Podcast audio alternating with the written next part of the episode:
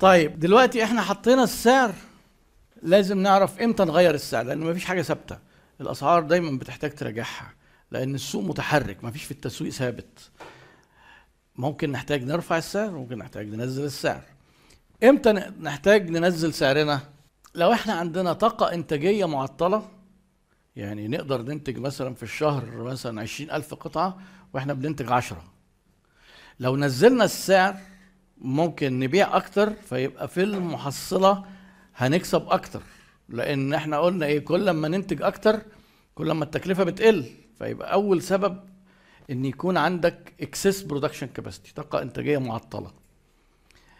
آه، لو المنافسة زادت هنفكر فيها في ال slide الجايه فممكن ننزل السعر. بس دي هنتكلم عليها بتفصيل أكتر. لو المنتج في مرحلة الايه الانهيار وال technology قديمة لازم هتنزل بالسعر علشان خلاص الناس بتنصرف عن المنتج فلازم تنزل بالسعر. طيب إمتى نرفع السعر؟ أول حاجة سهلة. لو حصل التكلفة زادت بسبب التضخم المادة الخام زادت بسبب الدولار زي ما حصل الحديد زاد فالمباني هتزيد لازم نرفع السعر.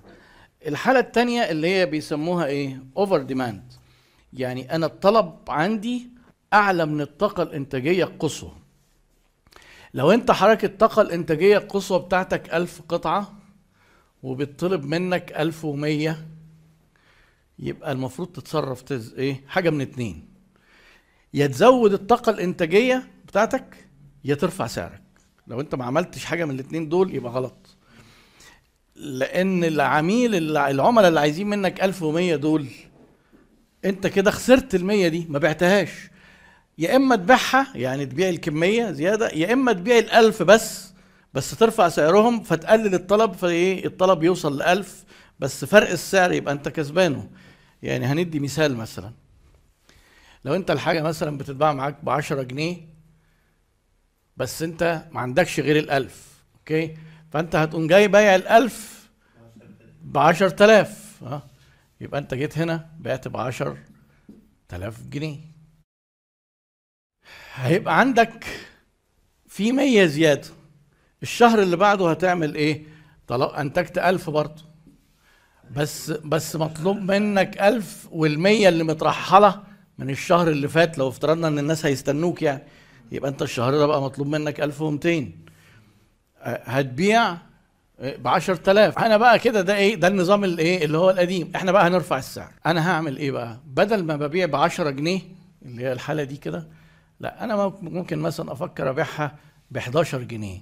المفروض إن الطلب هيقل شوية. لو أنا الطلب نزل مثلا ولقيت ال 11 ال 11 جنيه دي وصلت 1000 خلاص كويس. يبقى أنا كسبت 1000 جنيه زيادة. كأني بعت الايه ال 100 الزيادة. يبقى أنا البديل بتاعي إن أنا زودت السعر. ها؟ طيب افرض أنت رفعت السعر ولقيت لسه مثلا إيه 1100 لا بقى 1030 ارفع تاني. لحد ما تظبط نفسك على الألف. ما دام أنت نجحت في الترويج ووصل إن الطلب عندك زايد لازم تستفيد وترفع السعر أو تزود الطاقة الإنتاجية. وإلا ال100 دول هي مش هيستنوك كتير هيروحوا للمنافس يبقى إحنا كده قلنا إيه الحالتين إيه increase the cost نزود التكلفة زادت نرفع السعر أو over demand